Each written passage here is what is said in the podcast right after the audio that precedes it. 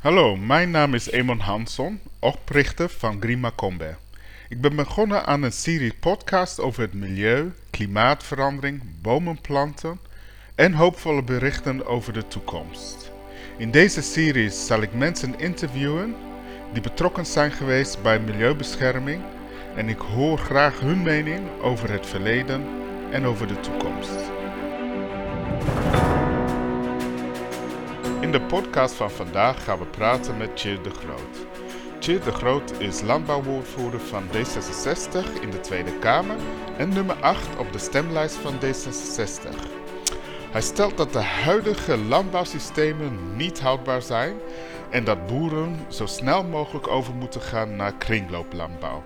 Ik ben echt benieuwd naar wat kringlooplandbouw is en of deze ook van toepassing zou kunnen zijn op Green Macombe. Welkom, Chit de Groot. Kunt u aangeven waarom u denkt dat D66 het meest natuurvriendelijke verkiezingsprogramma heeft? Ja, nou heel graag. Uh, het zijn een paar partijen die het goed doen. GroenLinks en de PvdA. D66 die doet het beste als het gaat om de reductie van stikstof. Stikstof, hè, dat is misschien nu zo langzamerhand bekend, maar dat komt uit, voor een groot deel uit, uit de landbouw. Dus we gaan ook echt naar een nieuwe landbouw toe. Meer gebaseerd op, uh, op kringlopen, daar komen we nog wel over te spreken. Maar ook gewoon een reductie van het aantal dieren. Uh, enorme investeringen in de, in de natuur zelf, de kwaliteit van de natuur en de omvang zodat we ja, uiteindelijk een, een, een, groen Nederland krijgen waar de natuur, ja, nu ligt de natuur echt op zijn gat. En dan gaan we Nederland groener en mooier doorgeven dan het land aantroffen. Ja, dat klinkt heel ideaal inderdaad. En ik, waar, waar, ik heel erg benieuwd naar, ik heb zelf wat gelezen over wat kringlooplandbouw is. Maar kunt u in eigen woorden zeggen wat, wat dat nou eigenlijk is en wat, wat, wat mensen daarbij moeten denken? Ja, het zijn eigenlijk, als je kijkt naar hoe we nu de aarde gebruiken, dan, um, dan doen we dat heel inefficiënt, hoe raar dat ook klinkt. Van de vruchtbare aarde komt slechts een, een, die we gebruiken voor de teelt van, van uh, voedsel en, en voer, komt slechts een derde rechtstreeks in onze maag.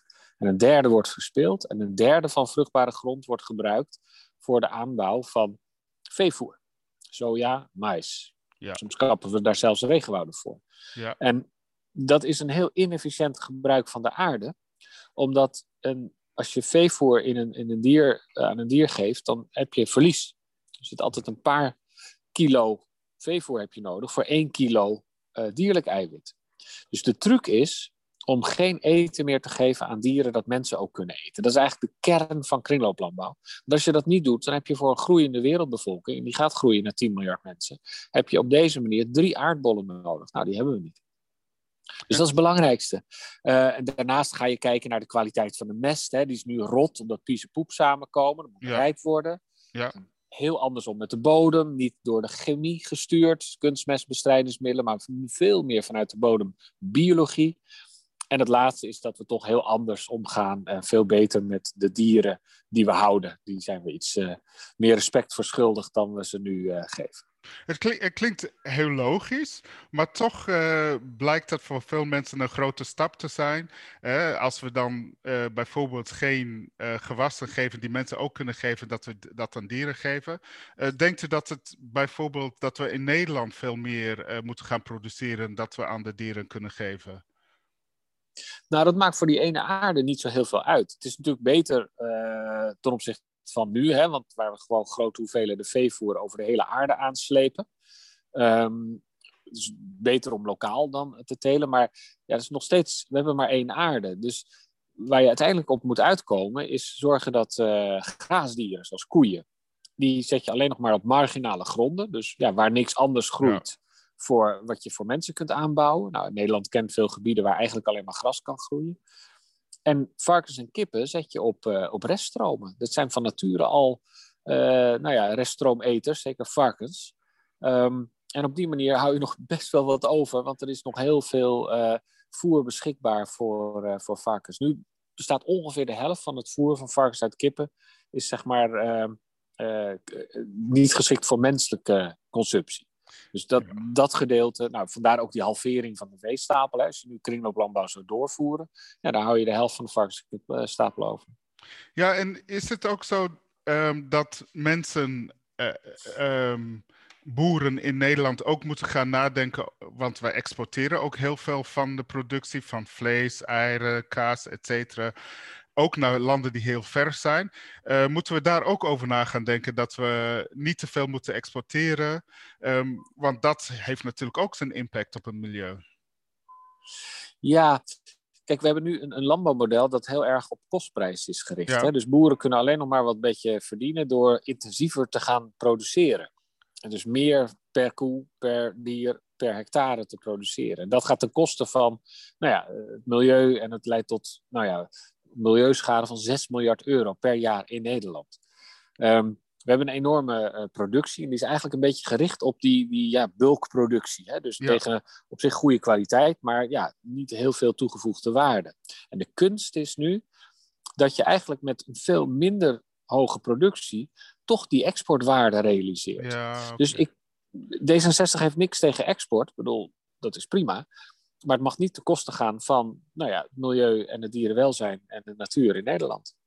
Oké, en, en misschien ook een vraag. Uh, als, als D66 weer in de regering komt, uh, hoe denkt u dit te gaan verankeren in de afspraken? ik heb in vorige gesprekken van u gehoord van nou, het zou mooi zijn dat het in de regeerakkoord, maar ja goed, dat is überhaupt misschien nog een vraag van eerst de verkiezingsuitkomsten bekijken en wie allemaal.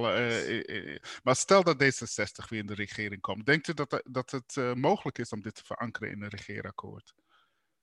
Jazeker. Um, er is natuurlijk nu al een nota uitgebracht door de huidige minister van Landbouw, Carola ja. Schouten. En zij heeft ja. eigenlijk, en het hele kabinet, dus ook VVD, CDA, uh, hebben ook gezegd van ja, het huidige model is niet meer houdbaar. En daar is eigenlijk al die kringlooplandbouw mm -hmm. omschreven, als zeg maar de kern van de nou, toekomstige opgave. Er is alleen nog wel, zijn er wel heel veel verschillende beelden nog over. En deze ja. minister heeft verder nagelaten om echt concreet ermee aan de slag te gaan. Ze had het een beetje te druk met alle ellende uit het verleden, zoals stikstof. Um, dus uh, in een volgend regeerakkoord zul je, wat D66 betreft, vier afspraken moeten maken. Mm -hmm. Het eerste is dat je concreet eigenlijk boeren gaat helpen om de regels die nu knellen, om die uh, losser te maken. Dus dat je duidelijker uh, afspraken maakt over, nou ja, waar wil je dan? Wat voor doelen wil je bereiken op het gebied van voer, mest, bodem en dierenwelzijn? Ja. Tweede is dat je het Europese landbouwbeleid veel sterker richt. Er komt 700 miljoen euro per jaar uh, aan steun. Nou, zorg dat je daarmee boeren ondersteunt die, nou ja, die bewegingen maken op het gebied van voer, mest, bodem en dierenwelzijn. Een derde gaat over kennis. We zijn eigenlijk heel veel kennis die hierover gaat, zijn we verloren. Hoe werkt nou die bodem? Hoe werkt de biologie? We zijn eigenlijk, onze kennis wordt aangeleverd door leveranciers aan boeren. Die verdienen er ook nog een hoop geld. En het laatste is, en dat zal echt een hele moeilijke zijn, maar dat moeten we doen met supermarkten en de verwerkende industrie ervoor zorgen dat boeren sowieso een eerlijke prijs krijgen. En dat het hele assortiment uh, ook gewoon duurzaam is en bijdraagt aan die transitie naar kringlooplandbouw. Ja, het, is, het, klinkt heel helder. En, en inderdaad, het laatste is misschien wat moeilijker als je zegt, uh, hè, ook de onderhandeling met de supermarkten. En, en daar zijn misschien wat uitdagingen. Zie, ziet, u, uh, ziet u meer, is er bijvoorbeeld weerstand bij bepaalde uh, groeperingen of bij de boeren zelf om dit uit te voeren? Of denkt u van nou, iedereen snapt het eigenlijk wel? Nou, er zijn nog wel verschillende beelden bij, dat zei ik al. Dus, dus er is nog wel misverstanden over. Ja. Uh, en daarnaast is er ook wel weerstand, omdat veel boeren het gevoel hebben dat zij het in hun uppie moeten doen. Ja. En dan is het in de eerste plaats te onduidelijk van ja, waar dan heen en hoe dan. En dat klopt, en dat gevoel kan ik me heel goed voorstellen. En daarom leg ik ook zo de nadruk op de rol van de verwerkende industrie en de retail. Ja. Uiteindelijk zullen zij ja, vaak zijn boeren toch, uh, met alle respect, leveranciers van grondstoffen. Ja. Um, en en uh, ja, voor, dat, dat helpt dus. Hè, dus het contact met de markt is eigenlijk door, door verderop in de keten. En die zullen een hele leidende rol daarin moeten spelen. Ja, wel, wel interessant. En een ander ding dat u noemde, de derde punt over die kennis. Um, hè, we zijn wat kennis in de loop der jaren misschien vergeten. Hè, als het gaat over bodem, als het gaat over terug, uh, terugbrengen of het reduceren eigenlijk van, uh, van de degradatie van, van landbouwgronden. Um, ik zat me af te vragen denkt u dat dit model ook voor, uh, voor het buitenland, andere landen in Europa, maar ook lage midden, uh, of laag- en middeninkomstenlanden, bijvoorbeeld in Afrika, uh, ook interessant zal zijn? Nou ja, dat denk ik wel, want uiteindelijk zullen we met elkaar een manier van voedselproductie voor elkaar moeten krijgen die, die de aarde kan dragen. Ja. Ehm, en, en het dominante model, dat zeg maar dat Nederlandse model, ja, dat zie je ook in de rest van Europa. Um, maar uh, in, ik heb nog niet heel veel uh, gereisd in, in, uh, in Afrika, dus ik ken de situatie niet. Maar ik heb me wel laten vertellen dat, dat eigenlijk die methode zoals ik die beschrijf, die kringlooplandbouw, ja. heel erg dicht ligt bij ja, oermethodes daar. Waar je eigenlijk net zoveel dieren houdt als dat je mest nodig hebt voor het land. Waar je veel meer, weliswaar een lagere productie hebt, maar wel in evenwicht met de omgeving produceert en een evenwicht tussen dierlijke en plantaardige productie. Dus um, we moeten soms ook oppassen met onze westerse ideeën en methoden uh, gaan opleggen aan Afrikaanse uh, en andere ontwikkelingslanden. Nee, misschien niet opleggen, maar wat ik mij kan voorstellen is dat we een soort uh, tweeling uh, relatie kunnen opbouwen met boeren in, in bijvoorbeeld in Afrika die ook uh, aan het opkomen zijn, die wat aan het leren zijn. En wij die overproduceren hier. Ik zat me af te vragen of er misschien ook op dat niveau samenwerkingsverbanden en dat hè, als een boer hier wil stoppen, maar misschien wel een collega in een ander land kan helpen. Denkt u dat daar toekomstmuziek in zit of, of is dat misschien een beetje vergezocht? Nou, kijk, weet je, als boeren hier stoppen, um, dan zijn ze nog heel goed in het, wat ik noem het oude model. Ja. dat is niet het model en dat is heel erg kunstmestgedreven ik zou dat model eigenlijk niet nu eh, verder willen uh, exporteren, maar juist nee, okay. uh, ideeën over het nieuwe model. Aha. En het grappige is, Ruud Zanders, ja. um, onthoud die naam, die, dat is de, de boer die zeg maar bij Kipster betrokken is. Kipster is, dat zijn de eieren die liggen bij de Lidl. Dat, zijn eigenlijk, dat is helemaal een kringlooplandbouwconcept. En die is eigenlijk op het idee gekomen toen hij een groep Afrikaanse boeren op bezoek had. En hij vertelde heel trots, hij had een hele moderne stal en hij vertelde heel trots van kijk eens, ik geef ze zoveel graan en uh, die, die kippen produceren zoveel eieren en zoveel productie en zoveel vlees. Ja. En toen zeiden die, die bezoekers uit Afrika, zei, ja, ben je nou helemaal gek geworden? Dat graan kun je, kun je zelf ook eten. Dan ga je toch niet naar de kippen geven, dat dure graan.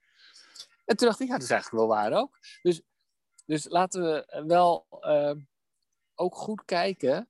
Natuurlijk uh, kunnen we helpen, maar laten we vooral daar markten niet verstoren. Ja. want dat doen we nu bijvoorbeeld die kippen, dat ja. we al die uitgelegde soepkippen, zeg maar, naar Afrika versturen, uh, verschepen. En dat verstoort daar natuurlijk enorm de markt.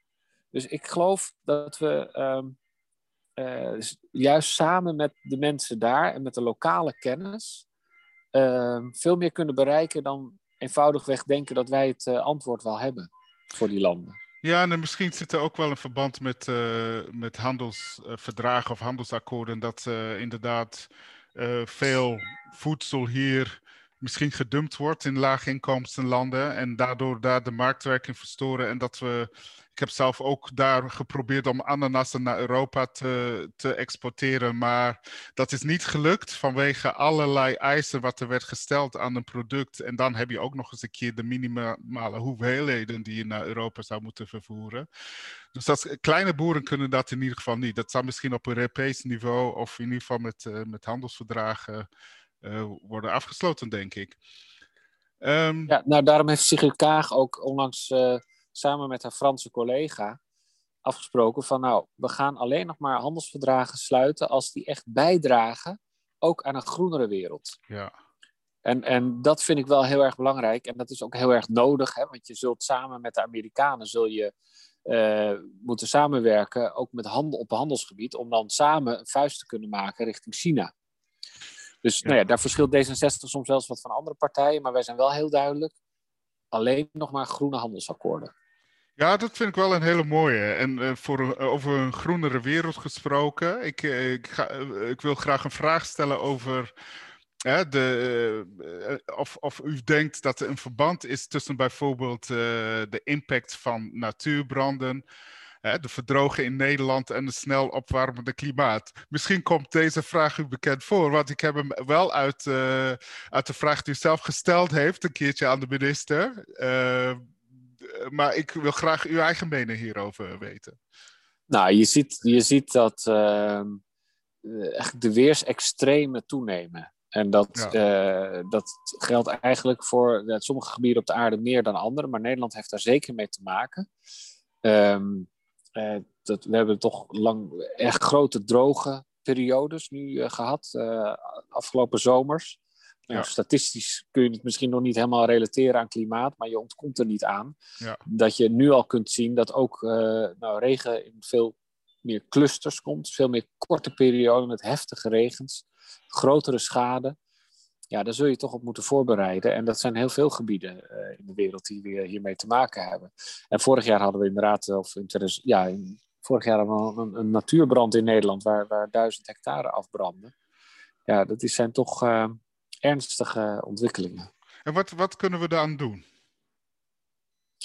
Nou, in Nederland uh, kun je, uh, trekken we als, als D66, we trekken daar uh, een enorm bedrag voor uit om de natuur uh, en het water te gaan herstellen. Om op basis van de natuur en het water ehm, je land opnieuw in te richten. En er zijn nu gebieden waar bijvoorbeeld hoge zandgronden, bijvoorbeeld nou, de Veluwe of de, de, de Utrechtse Heuvelrug, ja. daar, daar, loopt, daar is nu het watersysteem zo gemaakt dat het water zo snel mogelijk weg kan lopen. Um, dat is misschien voor de landbouw handig, want dan ga je ook weer sproeien. Ja. Nou, dan hou je een beetje visuele cirkel. Dus je moet eigenlijk het watersysteem zo gaan aanleggen dat je water daar vasthoudt. En dat die verdroging stopt. Uh, terwijl je in de kustgebieden moet je andere oplossingen tegen het verzilte. Uh, hè, dus de druk die vanuit de Zoute Zee komt, uh, moet je daar met ook innovatievere manieren dan we tot nu toe. Want nu spoelen we eigenlijk met zoetwater het zoute water weg de hele zomer. En uh, ja, dat is toch ook weer heel uh, verspillend en duur. Dus we zullen echt uh, ons land anders gaan inrichten met water als basis. We zijn een delta. Ja, en het is wel een mooi en inspirerend voorbeeld inderdaad hoe we meer met, met water kunnen doen. Heeft u ook andere voorbeelden? Want het klinkt eigenlijk een klein beetje als een tegen, tegenstrijdigheid. Hè? Want er zijn spanningen om de, hè, de boeren willen misschien de productie verhogen. Terwijl aan de andere kant, door juist veel beter om te gaan met, uh, met hoe we met, uh, met de landschap en met de water omgaan. Uh, klopt het dat een tegenstrijdigheid is? Of kunnen we met innovatieve methodes wel bereiken, wel efficiëntie be bereiken? Ja, maar niet op de manier zoals het nu gaat. Dus uh, er zijn ook heel veel boeren die experimenteren met uh, nieuwe methoden. Bijvoorbeeld uh, Van Rijsselberg op uh, Texel. Die staat bekend om zijn zoutwater aanpak. Nou, gewoon hartstikke succesvol. Um, of daar, daar kun je dus gewoon ook goede landbouw hebben. Alleen ja, we zullen het anders moeten doen. En het is natuurlijk best lastig om dat te zien. Ja. Uh, we gaan boeren ook helpen daarmee, maar het, het zal uiteindelijk wel moeten gebeuren. En het is een beetje lastig soms in de Kamer of in de politiek dat partijen als CDA en VVD, die blijven maar suggereren dat het maar bij het oude kan blijven. En dat is, dat is heel erg, uh, uh, ja, dat is niet helemaal eerlijk ook. Want uh, we weten allemaal dat we nou ja, Nederland opnieuw moeten gaan inrichten. Onze voedselproductie, onze natuur herstellen, zorgen voor schoon water en schone lucht. En als mensen, hè, ik wil nou een klein beetje naar de afsluiten. Ik heb nog twee vragen. Eentje is heel simpel. Als, als men hier iets meer over wil weten, want het is toch best wel lastige materie. Heeft u tips uh, wat we kunnen lezen? Ik kan me voorstellen dat er iets in het verkiezingsprogramma staat van D66. Maar als we net iets meer willen weten hierover, heeft u advies waar we, naar, waar we de, of de luisteraar de informatie vandaan zou kunnen halen? Ja, er is een hele goede uh, YouTube van professor Imke de Boer. Dat is eigenlijk uh, Universiteit Wageningen. En zij is eigenlijk de geestelijk vader van dat hele idee van die kringlooplandbouw. Okay. Zij echt heel goed. Oh. Okay. Uh, dus daar zou je even naar kunnen zoeken naar een link. Ja. Um, Ja, en verder is het denk ik leuk om te kijken naar Kipster als uh, voorbeeld van wat betekent het nou in de praktijk. En natuurlijk kun je altijd kijken op D66, waar we, waar we onze plannen um, uh, verder uitleggen. Ja, dat zullen we zeker doen. Ik zal ook uh, voordat we dit gaan uitzenden de links onderaan uh, de pagina zetten, ook naar de D66-site. Mijn laatste vraag is: stel, um, het lukt mij volgende week uh, iemand te spreken te krijgen over, over dit onderwerp, over het klimaat, over beter boeren, beter eten. Um, is er iemand waarvan stel dat het mij lukt om diegene te spreken in de podcast, dat je denkt van nou, ik, ik, ik heb het wel heel druk met de verkiezingen, maar als ik een keertje tijd krijg na de, na de verkiezingen, dan zal ik zeker naar, uh, naar gaan luisteren. Is er iemand die uh, bij u naar boven komt? Um, nou, ja, god, ja, het zou altijd goed zijn bijvoorbeeld om, om iemand van het CDA te spreken. Hè? Bijvoorbeeld Eline Verder. Ja, uh, ja. Die staat wat verderop op het CDA. Die vindt op zich die kringlooplandbouw wel aardig, maar ze vraagt dan steeds hoe dan. Ja, precies, dat is de lastig. En dan, nou ja, dan kun je het dus over hebben van hoe had ze het zelf dan gedacht.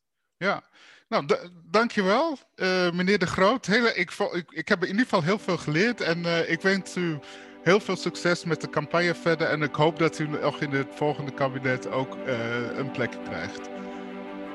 Nou, heel veel dank voor de gelegenheid om het verhaal te vertellen. En heel veel succes met je podcast. Superleuk.